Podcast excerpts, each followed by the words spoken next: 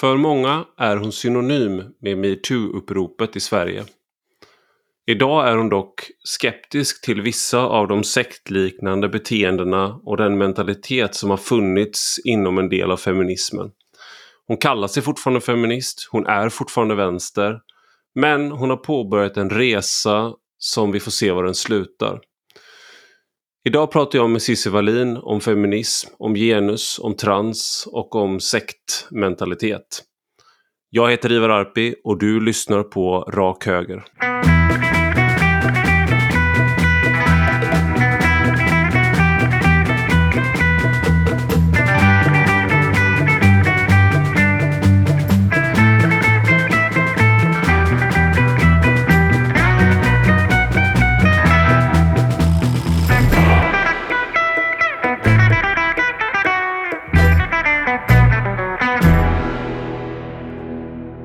Välkommen Cissi Wallin! Tack Ivar Arpi! Du skrev en väldigt intressant eh, text häromdagen i Expressen eh, med rubriken Publiken kräver raseri, jag föll för pressen. Och du skriver där om, så här skriver du att under flera år var jag en stor del av en rörelse, en obehaglig mentalitet på nätet som drog fram vecka efter vecka. Det främsta syftet var att hitta saker och personer att känna sig illa berörda av. Allt och alla skulle problematiseras. Förtrycket fanns överallt. Jag vill göra avbön. Mm. Det, och det där är, är ju liksom, du, det här är ju, följer ju en, eh, det är intressant på många sätt men något som är väldigt intressant är att det låter ju som att du har hoppat av en sekt. Alltså det låter ja. som att du har varit med... Skriver, knyt... skriver jag inte det också att jag har? Eller kanske jag skrev på sociala medier sen? Jo, du skriver, alltså det, det är det du beskriver egentligen. Men, det, ja. Men vi är ju vana till exempel att då om man pratar om en uh, galen Waldorfskola så är det en sak. Eller du pratar om Knutby, liksom, jag trodde jag var Kristi brud, vi trodde alla att hon var Kristi brud och sådär. Men mm. du beskriver ju någonting som är mycket mer mainstream på många sätt. Uh, och därför så tror jag så är det väldigt intressant. Men jag tänkte, kan du beskriva lite mer ingående vad det var du var en del av? Ja, om man ska snabb, eller om man ska komprimera alltihop, annars kan vi prata i fyra timmar och det är ganska ointressant för människor att lyssna på. Men jag ska försöka vara liksom sammanfattad. Hör du att jag börjar prata göteborgska nu direkt när jag pratar ja, med dig? Ja, det är så, gött. så otroligt svag är jag för influencer. eh, om man då övergår från det, eh, svag för influencer, så var jag ju eh, haft liksom en karriär som ung, arg feminist. Eh, och sen är jag inte så ung längre, men jag är fortfarande ganska arg på saker. Men när man är arg väldigt länge och när andra människor i ens omgivning, eller inte kanske vänner, men människor man på något sätt har en falsk relation till på nätet skulle jag säga, som man tror att man känner och som tror att de känner en. När man är väldigt arga tillsammans i den tid vi lever i så kan det ju väldigt lätt bli så att ilskan kanaliseras på totalt fel saker. Och mm. vi har ju sett liksom influenser som du har skrivit om som jag absolut håller med om. Alltså woke-kulturen, eh, man pratar om eh, victimhood. Offer, jag vet inte om ett offerskap är en bra översättning, men jag säger det nu för jag hittar inget bättre. Det handlar alltså inte om att man inte ska få berätta om att man har varit utsatt för övergrepp till exempel, eller faktiskt reella orättvisor. Men offerskapet i delar av den svenska feminismen och framförallt den som liksom rör sig på nätet handlar ju om att man ska se förtryck överallt, i precis allting. Och sen adopterar vi ju begrepp från eh, anglosaxiska länder. Så nu pratar man ju om mikroaggressioner. Man pratar om eh, att någonting är toxiskt, alltså eh, en kultur eller ett samtals samtalsämne eller bara liksom andra åsikter är toxiska, de är farliga, de är hotfulla. Det stora hotet Ivar Arpi på Twitter, det stora hot. så, här, mm. så vitt jag vet så har ju du aldrig blivit anklagad för liksom, ha begått övergrepp eller gjort någonting mot någon, utan det är just dina åsikter och dina analyser som är farliga. Mm. Och det var jag ju en del av och det blir ens vardag eftersom man rör sig i den här digitala miljön också. Ja, det är ens bekanta och bekantskapskrets till stor del dagligen så blir ju det eh, eller för mig så kändes det till slut som att jag befann mig i en sekt. Mm. Det, det här med sektliknelsen, jag kommer ihåg en, eh, en nära vän till mig, vi har känt varandra i tusen år, och han var med i Rättvisepartiet som är trotskister och hans mm. specialarbete på gymnasiet eh, handlade om huruvida Rättvisepartiet kunde kategoriseras som en sekt. Jag tror han kom fram till, alltså då använde han någon idealtyp, så här, skulle uppfylla mm. tio, liksom sex av tio kriterier eller sju av tio. Det, jag tror att de gjorde det enligt honom då, det här specialarbetet, det här vetenskapliga undersökningen han gjorde då. Mm. Eh, men det är ju e, e, en sak Lämnade han Rättvisepartiet? Eller ja, han, han lämnade den. Han, han hade men... Stockholmssyndrom och var kvar. Nej, utan han, eh, han... Eh, det här är ju intressant för när man går med i en, någonting som kan liknas vid en sekt så fylls du med kraft. Det här tycker jag är ganska tydligt eh, att många upplever det så. Om man kollar på till exempel Knutby Du får en gemenskap, du får ett kall, du börjar se den här dolda naturen som finns i världen. Vi har gått runt och trott här att vi lever till exempel och blir kära i varandra. Men egentligen så finns det ett förtryck här. Eller egentligen så har vi gått runt och trott att vi eh, så att säga, vi arbetar och tar ett jobb och arbetar men egentligen är det klassförtryck. Alltså du, kan ha liksom en, du, får, du får tillgång till en dold kunskap som tidigare har varit förborgad för dig. Exakt. Och det där var ju någonting som hände honom då när han, han hoppade av gymnasiet och jobbade ett år ideellt för partiet. Och då kom, var det någon sån här, så var någon på något sånt här möte som jag, han återgav där de satt då de här unga ideellt arbetande personerna och bara vi delade ut flygblad, äh, flygblad på Nordstan då i Göteborg så här, och det var mm. ingen som var intresserad. De bara, men alltså, när kommer den där revolutionen? Alltså, det känns inte som att folk är redo för Rättvisepartiets liksom, revolution. Vi har inte så många medlemmar. De hade väl några hundra liksom. Mm. Eh, och no, liksom, lika många röster som medlemmar ungefär. Ja. Och då så fick de svaret att men alltså man vet aldrig när det kommer. Så där pratade man precis innan revolutionen i Ryssland också. Vi måste, alltså, de var liksom helt inne i den där kokongen av att de, de, de hade tillgång till en helig kunskap. Sådär. Men är det här alltså- någonting du känner igen från den här sekten? Eller på vilket sätt är var det en sekt, eh, det du var en del av? Jag vill ju absolut inte dubba liksom, hela den feministiska rörelsen som för övrigt inte är en homogen grupp liksom, eller en board, ett, ett, eh, en eh, liksom, helt, eh, vad ska vi säga, homogen massa helt enkelt, utan det är väl snarare woke-kulturen då, man får säga, som har blivit en allt större del av feminismen. För jag kommer ju från början ifrån, eh, ja men alltså om jag hade levt då så hade jag garanterat varit en av grupp 8 kvinnorna. Liksom, eh, jag har följt dem, beundrat deras kamp för att vi fick dagis, för att vi fick göra abort och så vidare. Ehm, de tanterna som fortfarande lever som man kan prata med. Så det är ju min bakgrund egentligen, alltså från gymnasiet och, och liksom den feministiska vänsterrörelsen. Den är ju väldigt eh, förankrad i klass, i klassanalys. Mina, alltså hela min släkt i arbetarklass, är arbetarklass och så.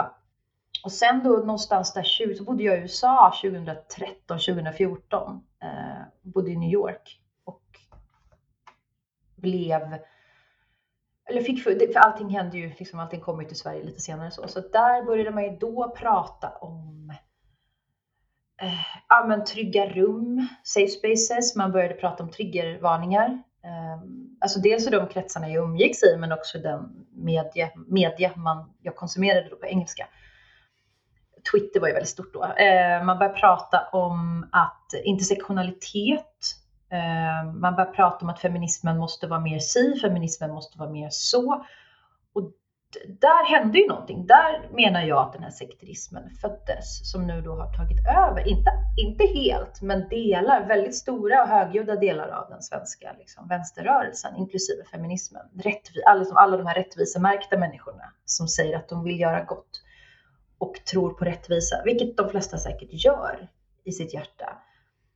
Men det som hände var ju att värdegrundsbegreppet, jag ska säga, sen flyttade jag tillbaka till Sverige 2015, 2014, där 2015 och fick barn. Och sen kom ju den här stora flyktingvågen och jag vet inte om du har läst Anna Björklund som tidigare var en del av Della Q. Hon har ju skrivit en väldigt, väldigt intressanta texter, flera stycken om 2015 var året då alla liksom skulle bli medvetna i Sverige. Mm. Det hände någonting då, att det var då vi började rasa mot allt. Så här, böcker skulle rensas ut, och det har ju hänt länge, men det, är liksom, det var som så här tipping point 2015. Mm. Politiskt korrekt tipping point. Där faktiskt flera av mina vänner och bekanta inte pallade. Alltså så kände så här, jag orkar inte vara vänster, jag orkar inte liksom föra de här frågorna, för det går inte att göra rätt. För det finns alltid någonting man har missat. Det finns alltid ett perspektiv man inte lyckades inkludera. Är jag problematisk? Alltså det blev en sån underkastelse som människor började må väldigt, väldigt dåligt av. Mm. Men jag var lite seg där, så jag, jag fattade, jag satt med bebis och hade svårt att amma och liksom var lite i parallellt universum. Men sen så kom det ju ikapp mig. Och så hände metoo och allting bara ställdes på sin spets på något vis. Att det räcker inte att jag tog den här frågan eller att de jag umgicks med tog den här frågan. Vi ska ta alla de här perspektiven, alla de här frågorna också och vi ska ta det samtidigt. Annars mm. är det verkligen inte, då räknas ingenting av det man har sagt eller det man har gjort. Och där började ju människor prata om triggervarningar. Det blev liksom en, en kavalkad, framförallt om man rör sig i sociala medier och olika Facebookgrupper då som skulle prata om sexuella övergrepp och hur kvinnor liksom ska alliera sig mot det och anmäla och hjälpa varandra. Och så här. Det blev istället liksom en positionering där man började bråka om vem som var mest utsatt, vem som hade minst tolkningsföreträde, vem som, hade, eh, vem som var mest privilegierad, vem som egentligen, vem som egentligen mådde sämst. Det blev ett victimhood. Eh, så, så inom de här um eh, inom, inom de, här, slutna feministiska grupperna. Det som man kallar på engelska för eh, oppre eh, oppression olympics. Mm. Det är väl det ordet man använder. Och du vann inte, så nu gör du podd med Ivar Arpi? Då. Ja, ungefär så. Jag är svinbitter ja. över att jag inte vann. Nej, och det ställdes ju väldigt höga krav på mig. Jag blev ju i stort sett helgonförklarad under metoo. Alltså faktiskt mot min vilja. Mycket kan man tro och säga om mig, men jag är en ganska introvert person privat. Jag gillar mm. liksom att löka runt i mysbyxor och inte bli igenkänd och ha ett väldigt så vanligt eh, alldagligt vardagsliv. Och för du fick ju en väldigt, du, du blev ju en av profil, alltså verkligen galjonsfigurerna för svenska metoo.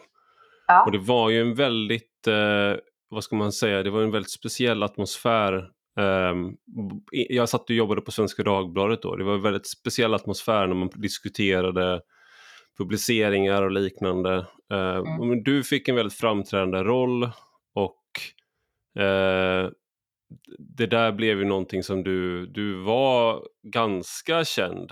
Alltså, du har, ju, du, har ju, du har varit liksom, du har varit i mediesvängen länge och har varit liksom sådär, så att folk som jobbar i media, men då blev du mer av en rikskändis mm. skulle man kunna säga. Hur var det? Det var helt sjukt och jag är, som jag sa till dig när vi pratade med varandra lite innan här, jag är inte en strategisk person. Jag är den sämsta strategen. Jag har gjort så många dumma val, jag har tagit så många dumma beslut för att jag är en känslomänniska. Just för att jag inte sitter hemma och gör liksom kalkyler på om jag gör si, vad händer då? Om jag gör så, men då kommer det hända. Det är jag önskar att det vore mer så, men jag är inte så. Så att jag gjorde väl, vi behöver inte fastna i metoo, men det jag bara ska säga var att det beslutet jag tog att, att outa en person och liksom hänga ut en person som jag anmält för våldtäkt, det var ett väl övervägt beslut. Och framförallt så var det bara sådär mänskligt att jag är på en plats, då var jag också det, en plats i mitt liv där jag har det ganska gött. Jag vet att den här personen har utsatt fler. Jag vet att det måste finnas ännu fler. För att vad är sannolikheten att säga, nej men har man gjort det här mot fem personer eller 20 personer, oavsett plural, det, måste, alltså det här är ett patologiskt beteende som man kanske inte bara upphör med. Det var min analys efter att ha pratat med så psykologer och hur funkar liksom Nej men det, är, det tror inte jag utan det är samma som med sexköp att det är alltid första gången de som blir tagna för sexköp. Det är alltid, alltid. första gången. Paolo Roberto klämde in det så här 17.30 innan tvätttiden första gången när han liksom hade varit på ett möte. Nej, men så att jag eh, hade, det var ett noga övervägt beslut och jag valde att stå upp på helt öppet, mitt eget namn eh, och säga också att jag gjort en polisanmälan. Eh, den här personen kanske anmäler mig nu för förtal. Då får det vara så. Men jag står för det här och jag vill framförallt att vi ska kunna prata om eh, vad händer när alla vet, alla citationstecken, då menar jag i vår bransch, liksom, Mm. mediebranschen, vet om någonting. Precis som det var med Harvey Weinstein i USA. Alla i Hollywood i stort sett som hade något inflytande visste hur han höll på mot kvinnor, men folk ville eller vågade eller pallade inte säga någonting. Mm. Typ Courtney Love sa någonting på fyllan någon gång liksom, på röda mattan, men det var väl ungefär det. Jag har inte koll exakt på den svängen, men du fattar vad jag menar. Att jag, Jag, kom, ett- jag kommer ihåg det här också för att om man ska vara sån då så är det ju... Eh, det, jag har ju skrivit kritiskt om metoo. Eh, Mm. och, eh, men det finns ju en... Vad ska man säga? En tragedy of the commons problem med de här sakerna. Att det är en väldigt stor insats för någon att vara den som höjer rösten mot en, även om det är väldigt många som kan ha varit utsatta. Det kan vara väldigt många som vet om ett dåligt beteende men att du är den som drar på dig blicken är, eh, innebär en stor risk för dig som enskild person. Eh, och jag, den här personen var ju, var ju någon som väldigt många då, som du säger, i mediebranschen kände till. Så vi då som eh, liksom jobbar i mediebranschen eh, hade, visste om att den här personen är någon som många kvinnor som har stött på eh, har saker att säga om. Mm. Men vad, till, låt oss säga då, att, vad har jag för incitament? Att man får höra då med liksom några månaders mellanrum så får man höra anekdoter från olika personer. När är det ens eget incitament att säga någonting? Det, och det blir sådär, Ja, så då blir det, då tillåts många gånger, om du inte är på plats så att säga, när det här sker och kan säga ifrån eller liknande, då är det ju så här lätt för människor att komma undan, även om det är många som vet om. Så, kommer Ja. du, så kan man komma undan med saker. Eller det har varit undan. så i alla fall. Och sen har det slagit över lite så att ja, men nu ska alla bli called out för allting och det kan vi prata om sen.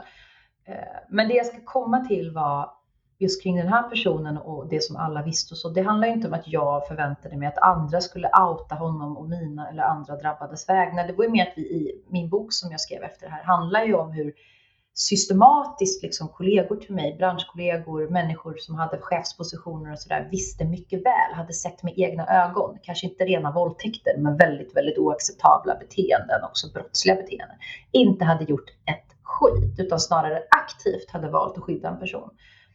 Och, framför framförallt att den här personen då, efter, när han blev, jag anmälde honom eh, 2011 där på, vid Lucia, och det var ingen hemlighet inom branschen att jag hade anmält honom för våldtäkt. Alla visste det. Liksom. I stort sett. Ändå blev han då befordrad i sam- under tiden som polisutredningen om våldtäkt pågår så tycker Aftonbladet att det är en kanonidé att rekrytera honom som ledarskribent och skriva om så här rättvisefrågor inklusive feminism. Mm. Så han fick den här positionen och så fick jag ju stå ut med att se vecka efter vecka hur, hur mina feministiska så kallade kompisar som också faktiskt visste om, kanske inte hela min berättelse, men de visste att jag hade anmält honom. De visste att det fanns andra anmälningar. Eh, folk som har startat så här, rättviseförmedlingar och sånt delar liksom. Åh, han är så, så här, har ni läst den här feministiska texten han skrev? Och det var väl i det under hela den här processen när jag liksom började vakna till, bara, vad är det för rörelse jag befinner mig i? Hur ligger lojalitetslägen? Mm. Liksom? Hur, vad, vad finns principerna? Även om vi kanske inte älskar varandra sinsemellan, men det finns kollegial liksom, konkurrens och sådär. Var finns de här faktiska principerna man säger sig företräda? Varför Mm. står de inte upp för att så här, det här är faktiskt en, man behöver inte skrika ut det på nätet, men internt så här, är inte du anmäld för våldtäkt? Liksom? Vad har du för Mm. legitimitet att skriva om en krönika om att det är så hemskt att ingen blir fälld för våldtäkt? Mm. Så det hyckleriet började ju så äta, äta upp mig på något vis. Och jag, jag ifrågasatte väl att, att man kunde spela, alltså så här, handlar det här bara om positioneringar? Mm. De här fina värdegrundsmänniskorna som alla är vänster och alla liksom tjänar pengar på att vara vänster om man säger och får statliga bidrag för att starta olika jämlikhetsprojekt och, och få stå i media och prata om inkludering och så här. Bryr de sig verkligen om om en man de så att säga, vinner på att hålla sig god med har utsatt kvinnor för övergrepp? Varför Mm. säger de ingenting? Varför, varför delar de en persons texter när de vet att den här personen troligtvis har gjort det här mot andra människor? Det var väl tankar som började väckas hos mig. Ehm, Mm. och det mynnade ju ut i det jag gjorde under metoo. För jag stod inte ut med det här hyckleriet och jag visste att det fanns fler eh, fina vänstermän som hade liksom verkligen kapitaliserade på att ha de här fina värderingarna som hade gjort avskyvärda saker. Alltså verkligen mm. eh, kognitiv dissonans på steroider. Liksom. Mm. Precis, det var någon som skrev, eller det var flera som skrev på Twitter att fan har inte Ivar Arpe blivit metooad än, har man aldrig tur? Uh, och det är liksom, det känns som att han har blivit det men han har inte blivit det, typ. Uh, och det hade ju, har ju att göra med att man har den här tanken då om att de, vilka är de goda, vilka är de onda och vilka är det som är liksom, om du står upp för vissa värderingar i offentligheten då har du också ett beteende eh, privat. Så att om du är kritisk mot vissa delar av eh, feminismen då är du också ett svin privat. Det kan du vara, det ena utesluter inte det andra men det är inte heller så att du blir per definition en trevlig person för att du har sagt att du tror på mänskliga rättigheter och att kvinnor ska ha rösträtt. Liksom. Du har en inte... på du, du har tatuerat så här, kvinnotecken på armen Precis. om du kille. Ja, då är, då, är då... Det, då är det safe. Det är ja. snarare en sån här spring därifrån. Det är en red flag för mig. Eh, kan säga, jag kan generalisera, men jag är betydligt mindre rädd för dig och ditt bagage, eventuella bagage, än vad jag är för de här männen i Feministiskt initiativ som står längst fram och gapar högst. De tror jag, mm. de har någonting i garderoben. Alltså. Det är någonting som de, det är Kapten Klänning syndrom. Kanske inte har våldtagit någon, men det är någonting de kompenserar för. Ja. Jag tror det. Men det här, det här är, jag tänker det finns flera saker att nysta i här, men en, en sån här sak eh, det är ju att du sen då, du blev den här kändisen eh, och som du beskrev eh, när vi pratade innan här att det blev förändrade också hur du kunde röra dig i liksom i offent alltså när du skulle handla och liksom, kan du inte berätta lite om hur det blev att vara Cissi Wallin efter metoo och, och däromkring? Det var helt bisarrt för jag hade ju såklart, jag är inte dum i huvudet, så jag hade ju räknat med att det skulle bli ett jävla liv och att det skulle vara de som tyckte att jag gjorde något jättebra och de som tyckte att det var fruktansvärt, att jag hade förstört någons liv och hela liksom den skalan. Men jag hade faktiskt ärligt talat, eftersom jag inte är så strategisk, jag hade inte förväntat särskilt, ibland gör jag liksom ett airhead också, jag hade inte förväntat mig att jag skulle bli liksom den feministiska, det feministiska helgonet för var och varannan kvinna i Sverige. Ja, det var här var ju innan folk började avsky mig. Vi, vi kan ju prata om den här liksom. Men tatu tatuerade någon in ditt ansikte på kroppen? Har du, som Tegnell, var du, någonsin, var du någonsin i den nivån? Jag tror någon, någon har tatuerat in något citat jag har sagt.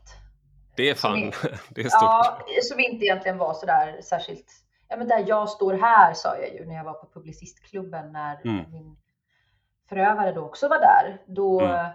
då skrek jag ju det och det var ju inget, det var ju bara för att jag ville annonsera att jag var där, för det var jävligt awkward att de pratade om mig som att jag inte var där. Då vill jag med mm. men jag är ju här, kan ni, jag kan också liksom, jag kan delta i den här debatten. Då det har folk tatuerat in. Nej, men det var ju senare, men det som hände under metoo-hösten där 2017, det var att för, alltså, på över en natt så kunde jag typ inte gå ut. Och nu det låter överdrivet och det låter som att det är någonting jag stoltserar med, men det är verkligen inte överdrivet och det var jättejobbigt. Eller tråkigt var det inte, men det var surrealistiskt. Mm. Det tråkigt var ju att jag inte är en person som gillar den typen av uppmärksamhet. Jag gillar uppmärksamhet. Nu har jag valt att vara med i din podd. Då går, mm. alltså jag är, sitter ju inte här i en persona, men jag är inställd liksom på att den här kommer folk lyssna på. Så. Mm. Går jag och handlar med mina snoriga ungar på ICA eller går bara tar en promenad, liksom, då är jag inte inställd på att någon ska komma fram och börja gråta och säga att jag har förändrat deras liv eller vill jag ha ett råd om hur de ska lämna sin eh, destruktiva relation eller vill ha en autograf på sin t-shirt. Det är aldrig liksom någonting jag har suktat efter. Det, jag tror inte att någon människa mår bra av den, liksom, och leva i den verkligheten. Men det, där, det du beskriver är ju en del av den här religiös, alltså det, det går ju in i det här du pratar om den här sektliknande, det är elakt att kalla liksom hela feminismen för sektliknande som du ja, sa, utan det handlar om den här, woke, den här woke-delen snarare. Men det du beskriver är ju också då någon slags religiöst beteende där du fick en, en plats i, den här liksom, uh, vet inte, den här väckelsen som det var på något sätt. Ja, och den var jag i allra högsta grad med på och jag mm. är stolt över mycket som hände under metoo, alltså positiva saker som hände. Att människor började öppna upp, även om det kanske bara var för sin närmsta krets eller att man började bearbeta saker som hade legat och grott i massa år. Det är väl fantastiskt. Eller att folk vågade göra en polisanmälan. Man vågade kanske eh, kontakta sin arbetsgivare och berätta om en kollega som hade gjort någonting. Det var skitbra. Mm. Men baksidan var ju att jag som ganska ensam fick stå där och bli liksom metoo i Sverige. Fast jag inte ville det. Och så finns det de som, det är så paradoxalt så här, metoo handlar inte bara om Cissi Wallin. Eh, fem, fem minuter senare fortsätter de bara prata om mig. Det är de liksom som själva skapar en personkult, en fixering mm. vid enskilda personer som sen också stör sig på att enskilda personer får så mycket plats. Mm. Det är mm. inte jag som har gått ut och liksom Nej men nu ska, vi, nu ska det handla om mig igen. Det är klart att jag skriver mm. om mitt perspektiv och mitt liv på mina sociala kanaler, men de är ju helt frivilliga att följa. Liksom. Mm. Eller det är frivilligt att läsa mina kolumner också i tidningen. Men det som hände då var att folk liksom började trycka t-shirtar med mitt ansikte. En tjej öppnade liksom en webbshop med bara så här eh, bilder och eh, tygväskor och eh, liknande merch liksom med mig. Fick du, fick du någonting för det? Nej, hon hörde av sig. Eh, sen tror jag hon utökade med andra, så här, för typ Mia Skäringer fick vara med och bli avbildad och några till sådär. Hon hörde ju av sig och frågade om det var okej. Okay. Och då vill inte jag mm. vara en ogin jävel och bara, nej men jag ska ha 20 procent. Jag bara, du får göra vad du vill. Liksom. Det är väl ja. jättefint om du... Men det blir ju ändå sådär, det, egentligen borde jag sagt, och det hade jag sagt idag, så här, du, jag kan såklart inte hindra dig från att trycka en t-shirt med mitt ansikte, men varför vill du göra det? Mm. Är, inte det är inte det lite osunt? Var, liksom, var, varför då? Så här, vad har ja. jag gjort som... Kan du inte bara tycka att jag har sagt eller gjort någonting bra utan att här, totalt eh, idolisera mig på det, på det ganska obehagliga sättet. Men man vill inte vara otrevlig och det här är ganska unga personer och sådär. Så, jag... Jag, har, jag har en, eh, en kille som, eh, som eh, bad att få ta liksom en selfie med mig ja. eh, vid ett tillfälle. Och så lät jag honom såklart göra det. Det låter jag alltid folk göra. Eh, och sen så vid något annat tillfälle så kom, jag kände inte igen honom, då kom han och ville ta en selfie igen. Och då hade han ju tryckt en t-shirt på förra tillfället när vi tog en selfie. Och sen tryckte han en t-shirt på det tillfället, så det är som en sån spegel som fortsätter in med selfies. Och det där tyckte jag var... det var så här, han gör ju det med glimten i ögat. han, han, är inte så galen, men det är ju galet, men det är ganska kul. Så han har liksom jag tror han är uppe i tre selfies nu, där det är så selfies som försvinner in i varandra. Men tänker, du, du tog det sen det här vidare till gardet. Ja. Där ni skulle göra eh, granskningar av, eh, av feministiska granskningar och eh, som få fram personer som har eh, gjort sexuella övergrepp och liknande, betett sig väldigt illa och eh, men du kan väl beskriva lite hur mm. tillblivelsen gick till och, och vad, vad det var som hände där? Ja, alltså, det var våren 2019. Egentligen så fanns de här tankarna. Jag försökt, om man ska backa lite då, redan hösten 2017 när metoo rasade och allt det här hände och jag blev liksom någon slags idoliserad eh, person som många ja, vände sig till och ville liksom ha jag skulle visa dem ljuset ungefär i den feministiska kampen i Sverige. Så kände jag att nej, jag vill inte stå här själv. Det här är, det här är ganska obehagligt. Det här är alldeles för hög eh, press på mig. Jag vill inte vara den här liksom, fixstjärnan. Så att jag kontaktar på något sätt i nästan någon slags desperation andra kvinnor som också har någon form av plattform eller som jag har lärt känna, inte vänner då, för jag alltid, de flesta av mina riktiga vänner vill inte vara i offentligheten och det är ganska skönt. Liksom. De är så vanliga människor som kaninöron. Men jag då kontaktade väl kan man säga, eller liksom började inleda samtal med andra feministiska opinionsbildare av olika slag och försökte redan från hösten 2017 så här, ska vi inte göra någonting tillsammans? Ska vi inte starta en sajt eh, där vi då samlar liksom, nyheter, krönikor, eh, ja, men olika typer av åsikter. Vi kanske kan ta in Ivar Arpi som krönikör. Nej, jag ska, men vi, vi kanske, det hade varit väldigt roligt. Men vi kanske kan ta in liksom de här KD-tjejerna som kallar sig feminister som vi tycker så illa om då. För att de kanske har någonting att säga så kan det bli lite debatt. Alltså jag hade bara en tanke om en gemensam plattform. Och det mm. här var ju samma veva som det började pratas om shadow bans och att eh, Facebook då som äger allting, eh, Instagram också, började liksom stänga av konton. Eh, kvinnor som la upp eh, bilder på eh, sina bröst, alltså kroppsaktivister. Jag har aldrig hållit på med det, men jag hade kontakt med många som gjorde det. De mm. blev ju så kallat shadowbannade och avstängda och så. Ja, men vi liksom, det är väldigt skört att vara där. Ska man inte ha en egen plattform som är fri där man kan göra vad fan man vill? Substack kan jag ja, rekommendera. ja, jo, men vi tänkte väl liksom lite mer att det skulle vara en, en glättig, härlig sajt. Ja. Med lite så här kanske krönikörer. Jag hade inget vind, alltså jag hade inget, det var inte en businessidé. Det var mer så här, vi, vi, kan, vi kan stå tillsammans och mm. göra någonting. Eh, och som en förening. Och så slipper jag stå här ensam med någon liksom, fana i hand. Mm. Och värdegrunden skulle då vara någon form av vänsterfeminism, men som ändå var öppen för andra tankar och så. Och så blev det där liksom aldrig någonting för att alla mådde ju så, nu generaliserar jag också, men alla mådde ju så jävla dåligt efter metoo. Var och varannan kvinna jag pratade med liksom gick in i väggen och det var en massa psykisk ohälsa och det kan man ju förstå. Men det var väldigt svårt att liksom få till en, en organisering där folk, många sa så här, jag är på, jag vill och så blev det liksom ingenting. Och jag är inte en chef, chefig person. Jag gillar inte att vara liksom ledare, utan det var mer så här, den platta hierarkin som kvinnor ska ha. Du vet, att mm. man, ingen får bestämma, alla ska ha lika mycket att säga till om. Och, sådär. och då händer Men jag, tycker, jag måste bara säga, jag tycker generellt att det där funkar ganska, ganska... Jag har haft många, många sådana samarbeten. Jag tycker det funkar ganska bra. Men, eh, och jag, Vad för liksom, samarbeten menar du? Nej, men om man skriver, jag har skrivit två böcker ihop med andra författare och jag och Anna-Karin Winham kände inte varandra när vi skrev genusdoktrinen tillsammans. Det funkar jättebra, vi delade liksom systerligt och broderligt på allt. Mm. Eh, liksom. Mm. Um, och även i, när jag var då på Bulletin, att man har alltså, de här, när det är som bäst så är en platt hierarki det bästa när man är som en liksom, riddare runt runda bordet eller ett systerskap runt runda bordet om det är det som är visionen. Liksom. Ja, så tanken var ju då att jag ville inte bli en ledare. Jag ville bli en, en eh, soldat i mängden. Nej, men jag ville liksom skapa, vara med, för jag är en ganska initiativrik person, även om jag inte trivs med att vara ledare eller chef så vill jag i alla fall initiera att vi liksom skulle organisera oss eh, och så här, ja, men vi, vi skapar någonting tillsammans och sen får vi väl ha olika roller då, olika rollfördelning.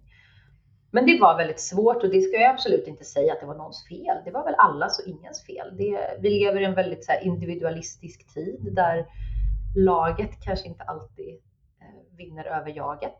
Eh, mm. Snarare tvärtom. Och det gör jag också en del av.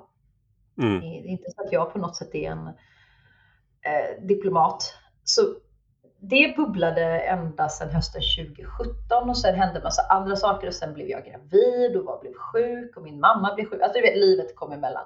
Mm. Så att 2019 då när jag hade en bebis och eh, ja, livet var ju absolut inte lugnt för mig, men jag tänkte att nu kanske det ändå är läge. Så då samlade jag ihop, det var otroligt ostrukturerat. Jag bara mejlade ett gäng kvinnor som jag hade fått kontakt med. Jag kände knappt någon av dem, utan det var personer jag hade fått kontakt med på sociala medier. Mm.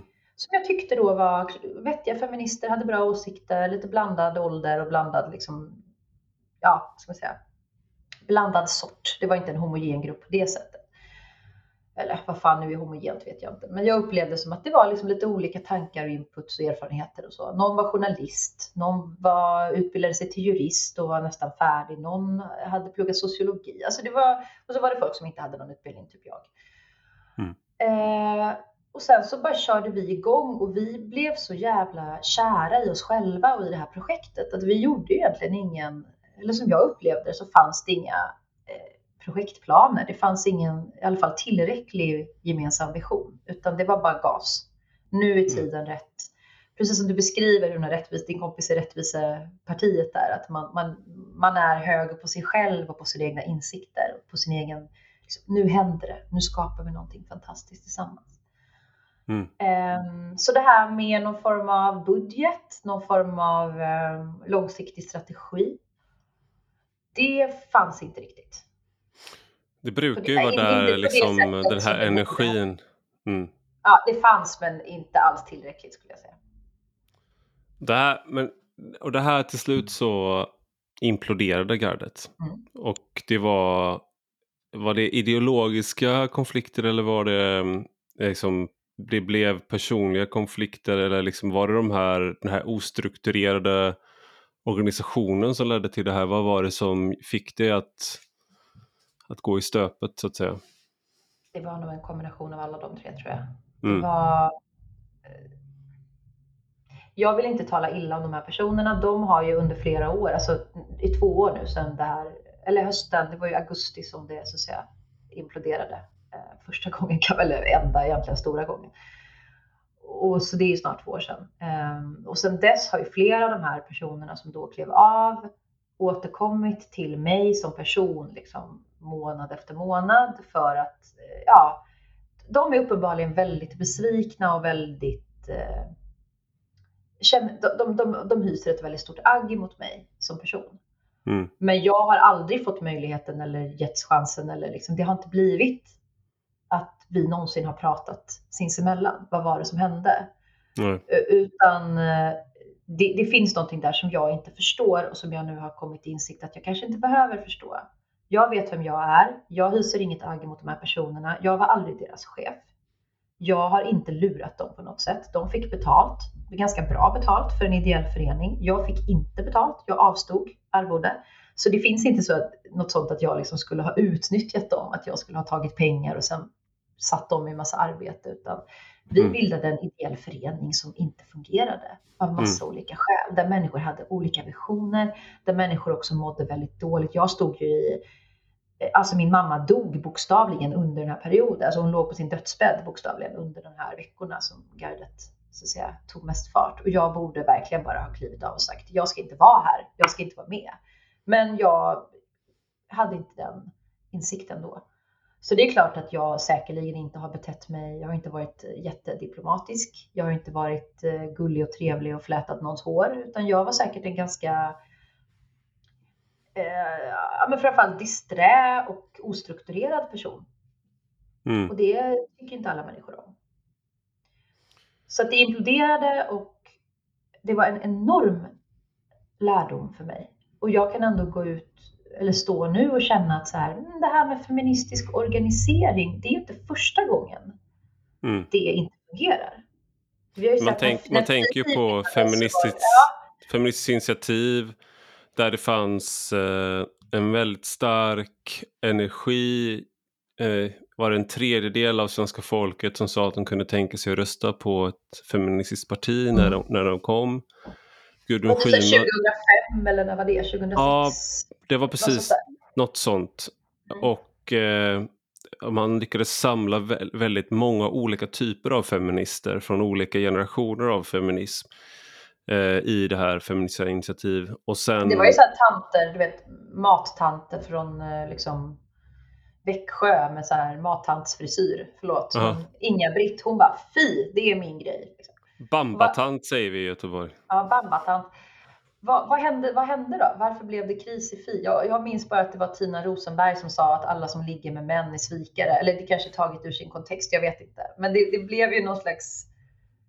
Ja, men det, där, det, är ju en, det finns ju så här, det är ju någonting med de här, eh, nu kommer folk tycka att jag är liksom eh, bashar feminister och liksom sådär, men det är ju någonting som är, ehm, man kräver, det kanske är vänstern överlag, men det finns en sån att man, man kräver att alla ska tycka rätt och hålla med varandra. Och då har du till exempel en sån som Ebba Witt-Brattström då, som är helt uppenbart inte är queer-feminist. Eh, och så har du Tina Rosenberg. Och den liksom, man skulle kunna tänka sig då att okej, men vi håller alla med varandra om det här i alla fall. Vi kämpar mot det målet. Men man klarar inte alltid det. Nej. Och sen då när man är en del av en känsla av att det är nu och det är så otroligt viktigt och vi har liksom, vi har inte fler, det är den här chansen vi har, men det måste göras på det här sättet och om någon sviker då förstör man ju, underminerar man ju hela kampen.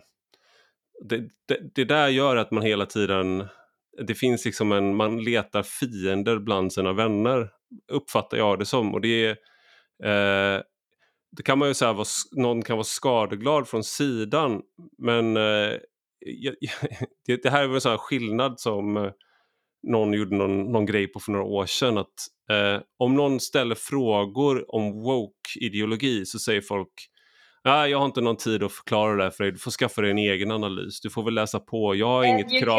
yourself. Ja, precis. Educate yourself liksom. Och sen om du gör det där med typ någon som tror på så här Qanon eller någonting. De bara, vänta kom med här så ska jag förklara hur allting hänger ja, ihop du kommer för dig. aldrig därifrån. Du kommer Nej, aldrig... exakt.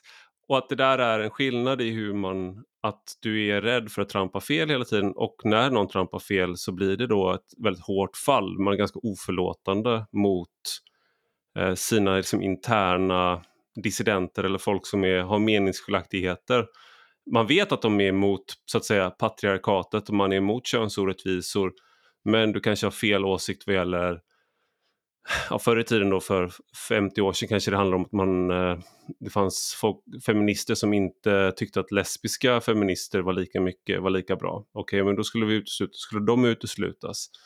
Eh, och sen var det de som inte var tillräckligt queer och sen är det de nu idag är det de som inte är tillräckligt transinkluderande. Så att du har liksom helt, du går Eller igenom hela de här. intersektionell, alltså det är ju ja. Eh, det är hela den här med white fragility och liksom om du inte köper den, inte så här, egentligen så tycker, vi ska återkomma till det här med fi och lite annat, jag ska bara säga att egentligen så handlar det ju om att om du inte köper den rena läran, det som jag och mina dåvarande feministiska liksom, vänner och allierade pratade mycket om var att alla män förtrycker alla kvinnor. Mm. Och alla svarta förtrycker alla vita aktivt. Och jag tycker inte det längre. Jag Tvärtom. Inte... Annars är det är inte alla svarta. Alltså, alla svarta förtrycker inte alls alla vita. Så jag tar avstånd det, från ditt uttalande. Det är, det är väldigt varmt i det här rummet ska jag säga. Så jag har lite lätt värmeslag. Det är typ 40 grader här inne. Oh. Alla vita förtrycker alla svarta. Ja. Givetvis. Um, och att man, om man då börjar så här, nej vänta lite nu. Liksom, jag, jag lever med en man, förtrycker han mig? Eller jag har en vän här som är svart, förtrycker jag den personen? Eller oj, nu måste jag liksom underkasta mig. Eller nu ska min man underkasta sig för att han förtrycker mig när han ber mig plocka ur diskmaskinen. För att det, är min, alltså det blir det här mikroaggression. Ja, ett sidospår. Ja. Men det ska komma till, jag förstår, jag tycker inte alls att det är att vara eh, att du är en douche mot feminism. Jag tycker snarare det är en väldigt nyttig frågeställning som vi själva inte har ställt oss. Mm. Men för att så här, jag tror ju absolut inte att det bara är kvinnor och feminister som imploderar och bråkar, eh, Bulletin, eh, blink blink. Däremot så tror jag, vi pratade om det tidigare, jag tycker det är viktigt att få med här, när människor samlas kring någonting de tycker är ideologiskt väldigt viktigt, oavsett om de är höger, om de är Knutby, om de är vänster eller om de är Rättvisepartiet i Göteborg, eh, så är det ju mycket, mycket större risk att det blir eh, diskrepans, så att den diskrepansen liksom blir en konflikt. Att det mm. blir laddat ett minfält. Kompromisser kan inte finnas. Jag pratade med Ebba Witt-Brattström om det när jag intervjuade henne för några år sedan. Jag bara, bråkade ni mycket i grupp 8? Hon bara garvade, hon bara, så här, bara vi bråkade hela tiden. Och det var liksom, den, eh, hon hade legat med den skubben och, och det var så bara tjafs. Det var tjafs, mänskligt tjafs som människor gör och har. Jag tror absolut inte det bara är eh, någonting Nej, exklusivt tror... Men de enades kring, okej, okay, men vänta lite nu, vi skiter i vem som har eh, liksom gjort det och det och vem som har bråkat med vem. Utan vi vill ha dagis. Mm. Ska vi försöka fokusera på att vi vill ha dagis så vi kan börja jobba och inte bara sitter kedjade vid spisen med någon snorig unge? Bra, då gör vi det. Och jag säger inte att feminister i Sverige idag inte har någonting att kämpa kring, men det, det är liksom målen är ju lite luddigare idag. Vad är det vi vill uppnå? Vi fick samtyckeslagen och jag var med när den demonstrationen skulle hållas där, den jättedemonstrationen. Jag var med och arrangerade den för, ja det var januari 2014 på Medborgarplatsen. Och då var det Ida Östensson som är en eh, så här, ja men jag upplever henne som en diplomat. Hon vill liksom att alla ska vara sams och att vi ska kämpa för rättvisa. Mm. Eh, jag är inte lika diplomatisk, men då, vi tillhörde ingen organisation då så vitt jag minns. Hon kanske var med i Fatta eller någonting, men jag var liksom frifräsare och vi var så här, okej, okay, men vi försöker samla olika kvinnoorganisationer som då kan vara med och rent krasst bara pynta så vi har råd att betala liksom teknikutrustning och sådär. Och lite olika kvinnojourer och kvinnoföreningar och så. Och då slutade det med att innan den här manifestationen ens hann hållas så hade två, jag behöver inte säga vilka det var då, men två kvinnoorganisationer hade blivit superovänner internt i den här planeringsgruppen. Mm. Över någon sån här gammal konflikt dem emellan som ingen annan överhuvudtaget förstod. Mm. Jag vet att jag försökte, så vad, vad, är det ni liksom, vad är det här? Ska hon komma och prata så tänker inte jag vara med. Just det. Okej, men vi ska ha en demonstration eller manifestation här för vi vill ha en lagändring. Vad har det att göra med eran gamla... Nej men det här, och liksom, det, var, det var helt låst. Vi fick ta in en kriskonsult och ha ett så här krig. Och det jag tror det var en tjej som till och med ställde upp gratis. Vad snällt. Men det här, ja, men, jag, tror inte heller, så här, jag tror inte heller att det här är... Ja, förlåt. Liksom. Men jag måste ja. säga, för mig är det ju, jag har de upplevelserna för att jag mest har rört mig i de här kretsarna. Jag har ja. inte rört mig i liksom, bolagsstyrelser eller i, i, hos Bulletin eller på, eh, i någon annan. Liksom. Jag har inte jobbat på RFSU. Det, kanske, det är säkert massa jävla konflikter och, och drama där också. Men jag tror att det är när man försöker skapa, när, när man försöker få till eh, en förändring och eh, i enlighet med en vision. Mm. Då eh, blir den visionen väldigt viktig. Och jag, jag tänker lite, och, och, och att det, det, som är intressant här, nu är jag också lite inne på kvinnor, alltså på feminism, för jag har precis skrivit om de här sakerna och de här konflikterna mellan liksom, eh, inom feminismen i, i genusdoktrinen och sådär. Eh, och pratat med kvinnor som har då exkommunicerats på olika sätt. Eh, som kanske inte är mina så naturliga bundsförvanter i, i annat, men det är en intressant process. Så jag tänker just att man... Eh, någonting som, som är intressant med det här med trygga rum, om vi återgår, liksom, för det mm. går in i det med trygga rum och trigger warnings och allt det där och att någon är problematisk och det är problematiska åsikter. Man skapar o, liksom, den här otryggheten. Det, som du sa, liksom, det handlar ju inte om det handlar ju inte om att någon är faktiskt är farlig i bemärkelsen att om den där kvinnan då från den där organisationen ska stå på scenen med mig, då kommer hon ju hugga mig med en kniv. Utan det är det att de här åsikterna hon har är toxiska eller destruktiva på något sätt. Så det skapar en atmosfär som är ogästvänlig eller farlig eh, och förstör. Så därför kan vi inte ha den personen. Och, och att sen att man snävar av det här så allt fler blir problematiska och ifrågasättanden eller liksom att, att lufta kritiska åsikter och liknande, det blir farligt. Och det här är ju inte unikt för kvinnorörelsen eller för feministiska rörelser eller något sådär. Det här, Nej, finns ju, det här finns ju i liksom politiska partier, det finns... Jag skulle säga att det här, om man skulle dra en koppling i politiken idag så är det väl absolut så att Sverigedemokraterna är ett exempel på en liknande mentalitet. Det vill säga att om du kan, idag så är det väl ungefär så att du kan säga exakt samma sak som en sverigedemokrat i offentligheten. Uh, det finns massa exempel på hur politiker inom Kristdemokraterna, Moderaterna eller mm. ledarskribenter, mm. ingen nämnd, ingen glömd, mig själv inkluderad, som kan säga saker som är rakt av någonting som är sverigedemokratiskt. Uh, men uh, om du tar in en sverigedemokrat till den positionen, till exempel att en sverigedemokrat som har varit aktiv sverigedemokrat skulle bli en borgerlig ledarskribent, utan att det är någon förändring i vad som sägs, mm. då har vi rört oss över en tabugräns. Och liknande saker finns ju i alla då, det här är ju egentligen kanske delvis en annan sak, men bara att vi har de här tankesätten om att någon förorenar vår eh, genom att sätt att prata på eller någon, någon bakgrund, att de har sagt någonting någon gång, eh, att de förorenar ett sammanhang genom sin närvaro. Det där dels, återkommer i olika ja, på olika sätt. Dels det och dels att man har då orena tankar. Ehm, jag, för mig handlar det mer om att här, bryta sig fri från eh, och det har ju skett egentligen i flera år, men det har väl kulminerat nu att, att förbjudna orena tankar, eh, personer man inte får associeras med. Att jag bara ställer upp i din podd kommer ju göra liksom Twittervänstern helt jävla galen. Eller de hatar ju redan mig ändå. Men, men det är så här, då har jag konverterat på något sätt till the dark side. Och det var ju som Just du ta upp var en, eh, vi kan ju nämna henne vid namn, det var Jonna Sima skrev som är ledarskribent. Ja, ja men hon, hon skrev så här, och jag tänkte att vi skulle komma in, in på det att eh, liksom kritiken du har fått för det här. Vi har redan pratat ganska länge men jag tänkte ta upp det här. Så här skrev. Jonna Sima. Först var det Fittstim-skribenterna som tog avstånd från feminismen. Nu är det gardet. Fattar inte hur folk kan vara så tomma. Så ditt engagemang betydde inte ett skit. Ja, hopp. Och då tänkte jag egentligen, är det, Så det, du, och nu är du dessutom då på min, i, i min podd. Ja. Så då har du tagit avstånd från feminismen, Cissi Wallin? Nej, jag är, det därför, är, det därför, är det därför du är här nu? För att liksom, ja. en gång för alla liksom, lägga ner feminismen i, i graven ihop och jag är, läser en bön då från patriarkatets bibel. Nej men det, det, det, här, hon, att hon skriver så är ju bara en eh, eh, liksom bekräftelse.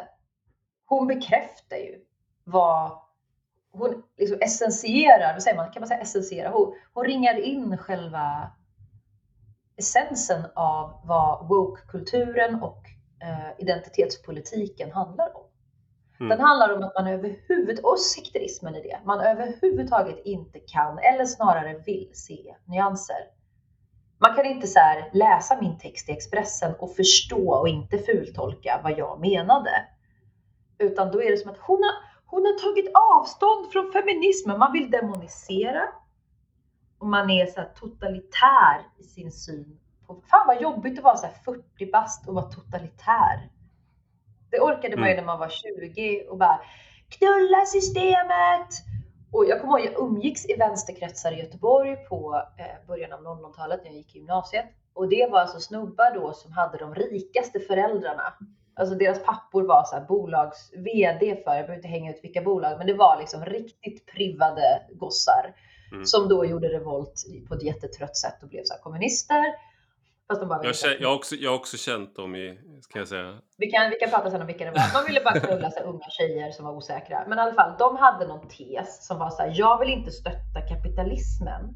Så jag snattar på Hemköp istället. Mm. Det var, liksom, de, det var inte så att de dumpstrade för att de på något sätt hade ett ekotänk, utan de, gick, de snattade på Systembolaget för att de inte liksom ville stötta de här marknadskrafterna som Eh, utnyttjade vinodlare eh, liksom, i, i delar av världen. Men det gick bra att sno en bag-in-box. Det var inget, för då stöttade man ju inte industrin. Och den logiken som de hade då känns ju lite som att man bara kan se nu eh, hos delar av eh, woke-vänstern. Det, det är, finns ju ingen logik. Men jag tänkte, det var fler som... Tweet? Vad, vad, vad ska jag bemöta?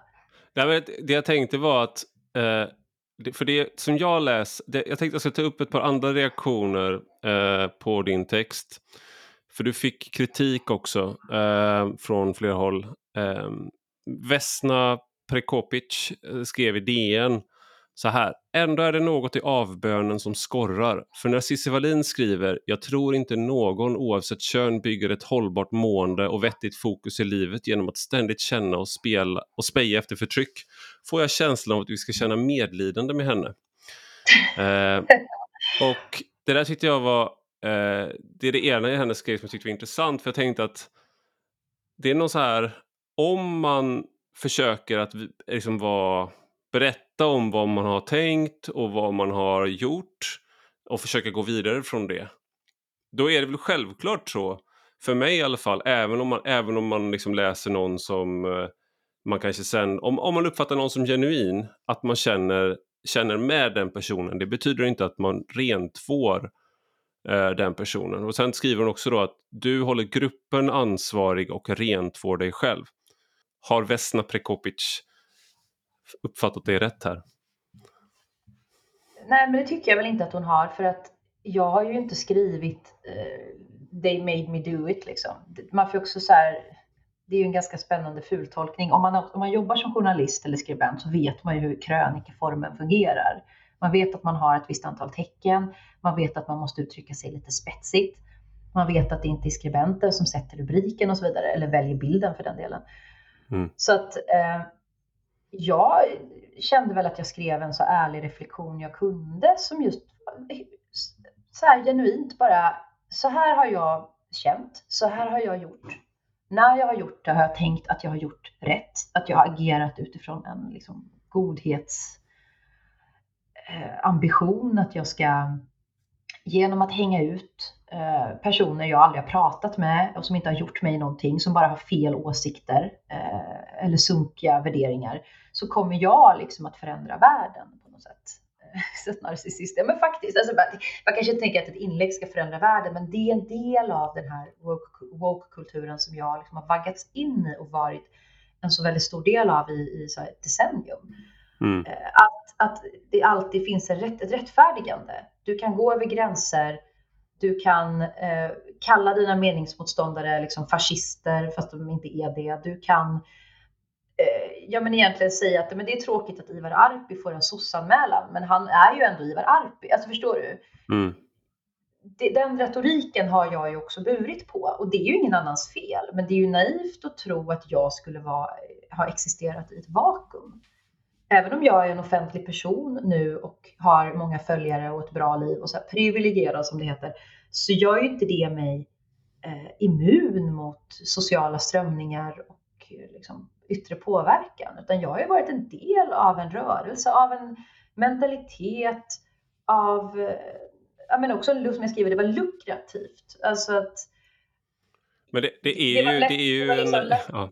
jag säga, det var liksom lättare att göra saker man visste skulle få hejarop och likes och klick. Inte att man tjänar några pengar på likes, men du förstår, det var, det var skönare för en själv, för ens ego att springa åt det hållet som man skulle förväntas springa åt än att faktiskt stanna upp och säga äh, jag håller nog faktiskt inte med. Varför håller vi på med det här? Så det är helt och hållet mitt eget ansvar, men det är ju naivt att tro att jag inte skulle påverkats av omgivningen.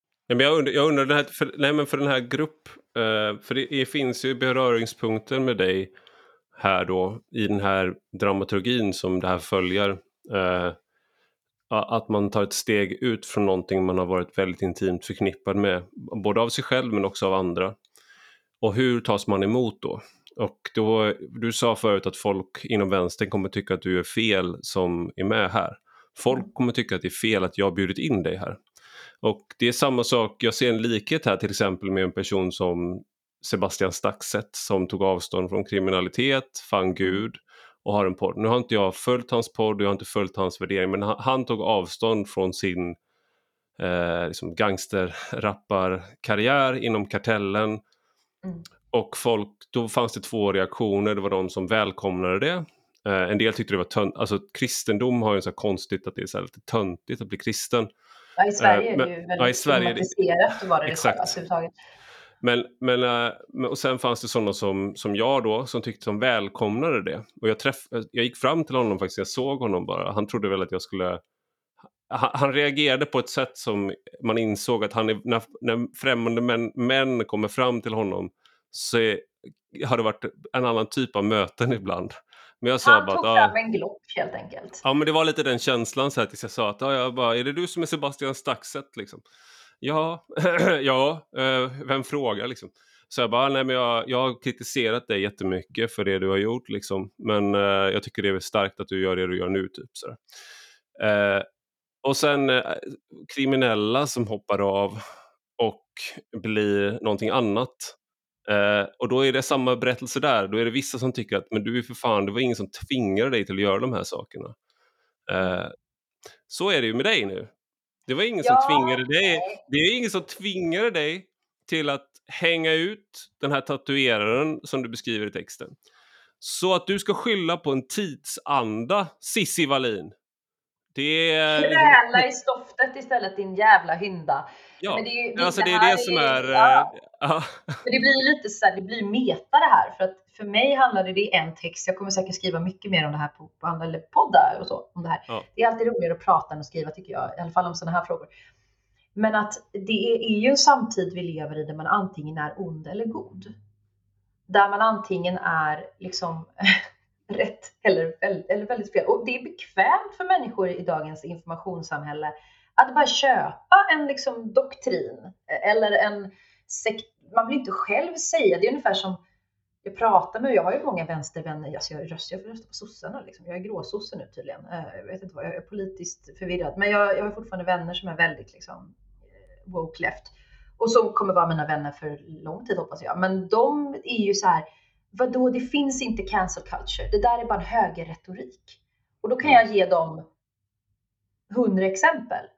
Jo, mm. senast igår så blev en liksom svart tjej cancellad, eller hon var tvungen att cancella sig själv från ett jobb för att hon skrev en problematisk status på Facebook för fyra år sedan.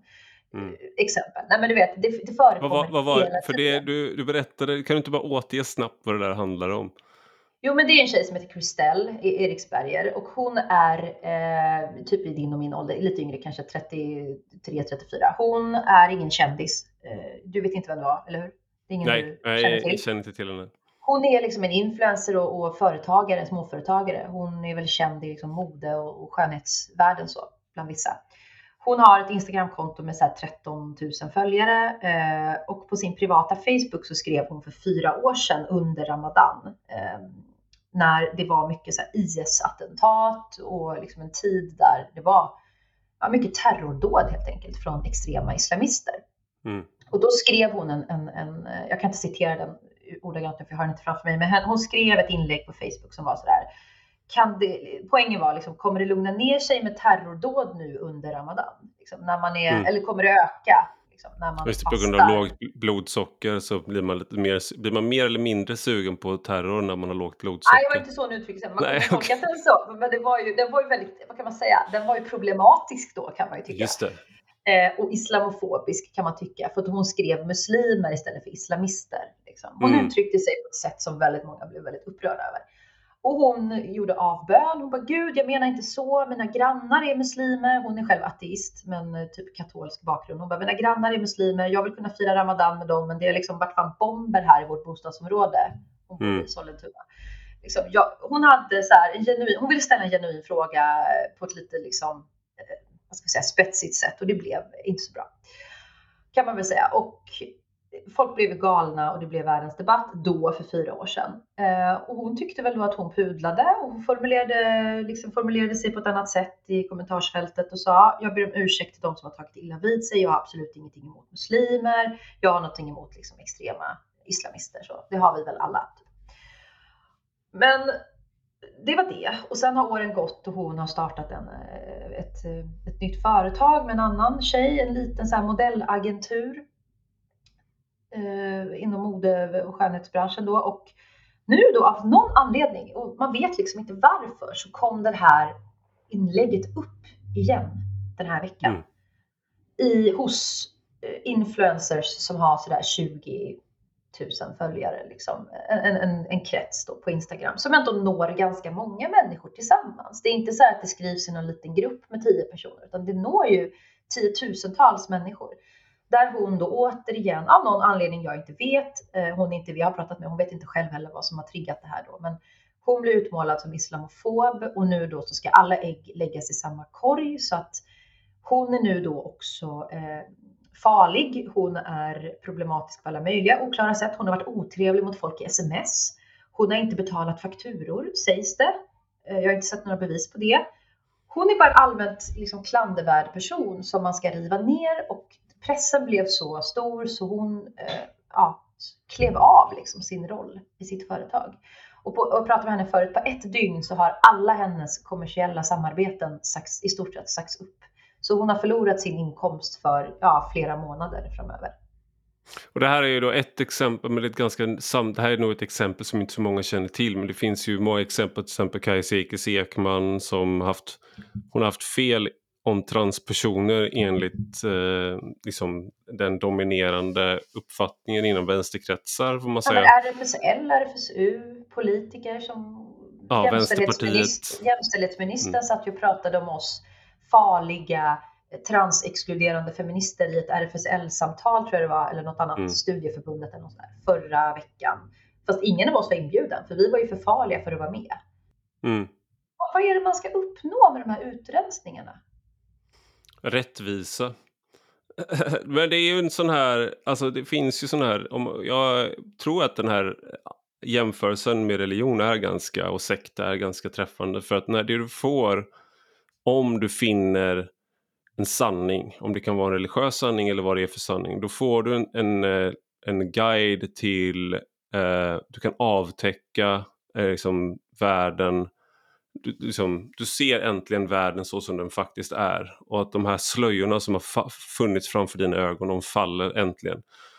Och sen finns det människor som vill upprätthålla de där slöjorna, som vill ha, ha kvar de här liksom, lögnerna och illusionerna.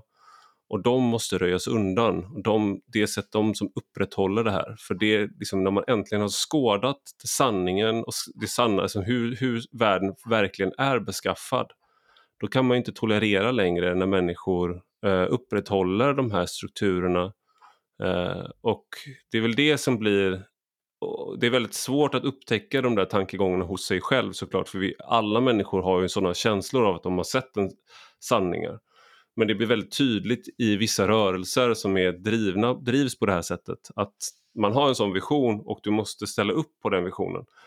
Eh, och om man då ska ta det där, ja. ja nej, men vi ska bara peta in, förlåt, men det är det som också är att man, man rättfärdigar sin eh, faktiskt liksom fascistiska hållning, det här med utrensning och att folk ska cancel themselves och ungefär försvinna från jordens yta.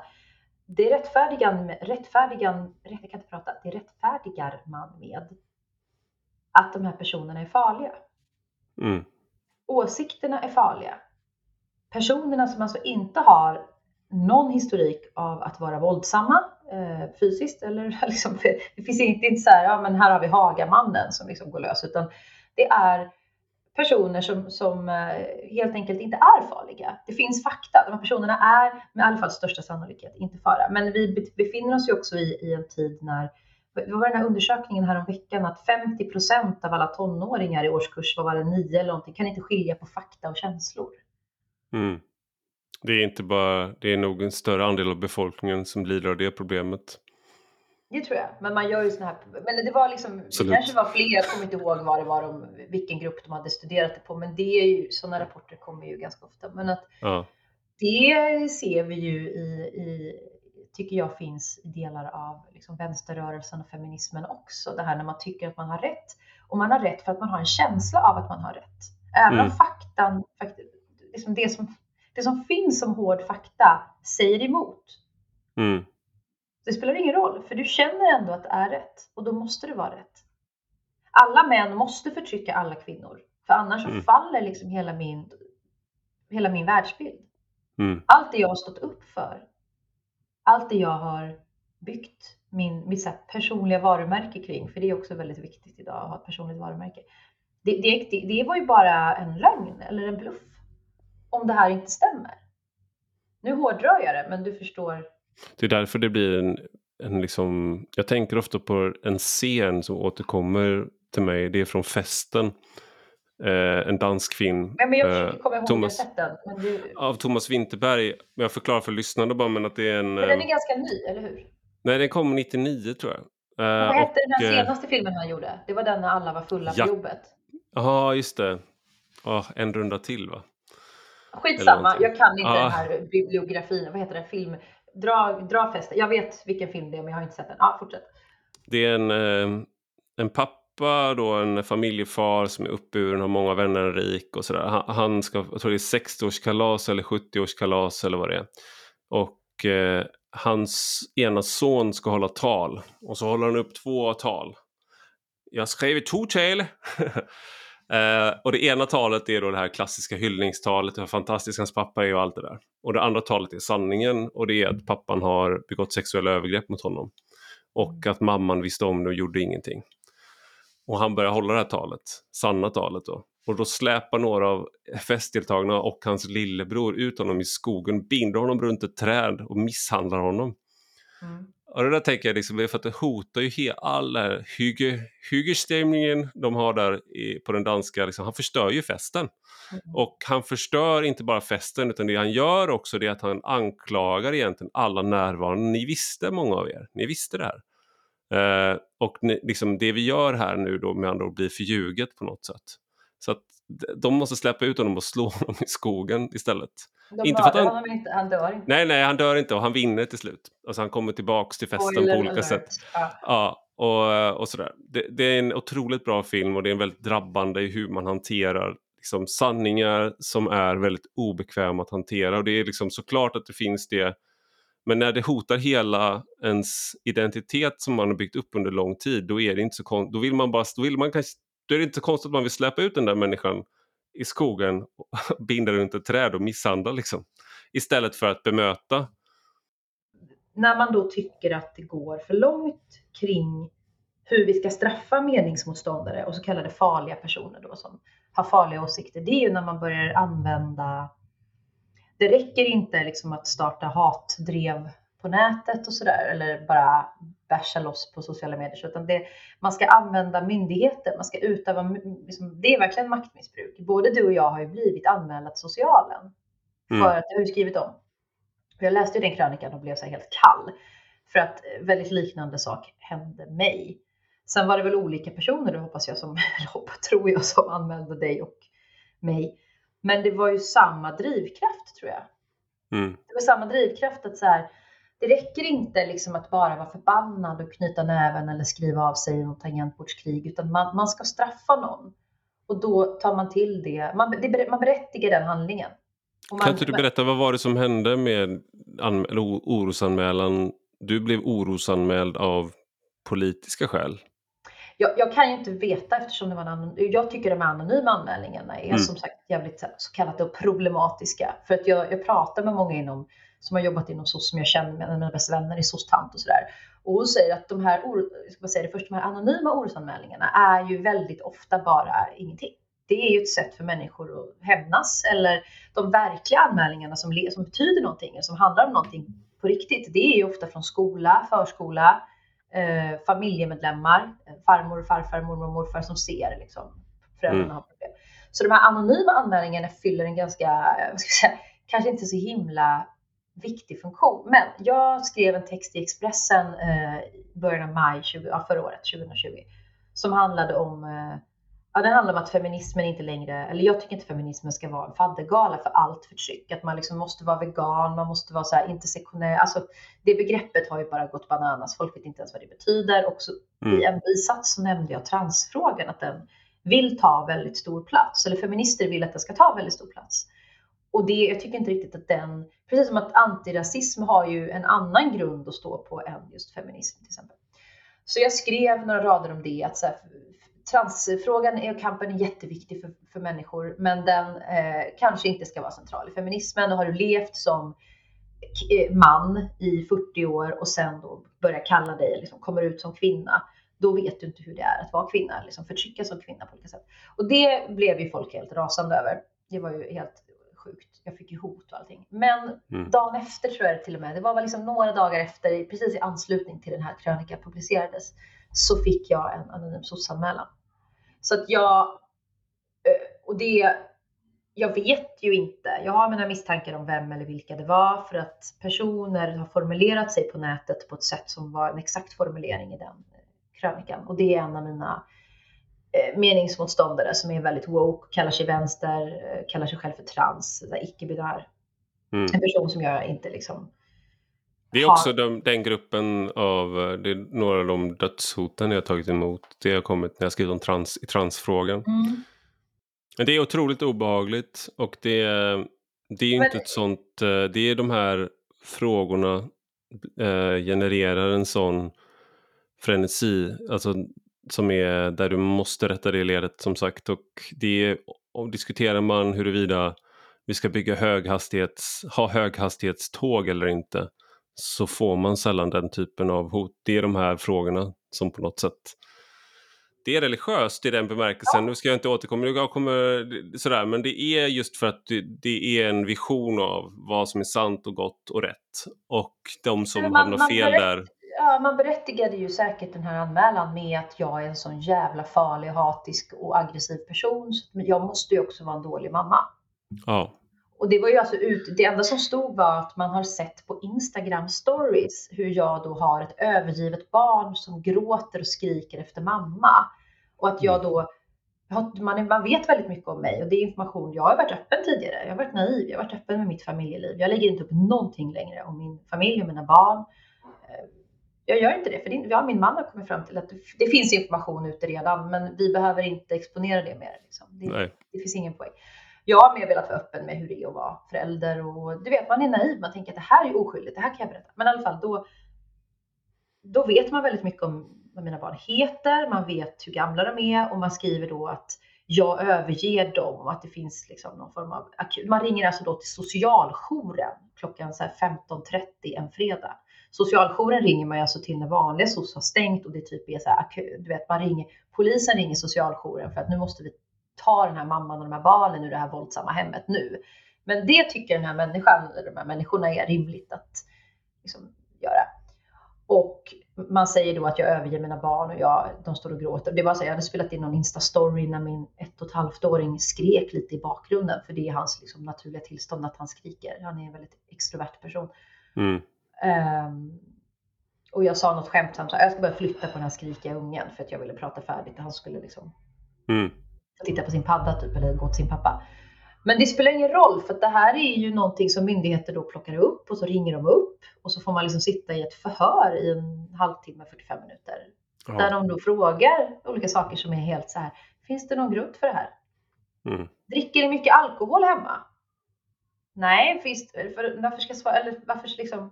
Vem fan är du att fråga det?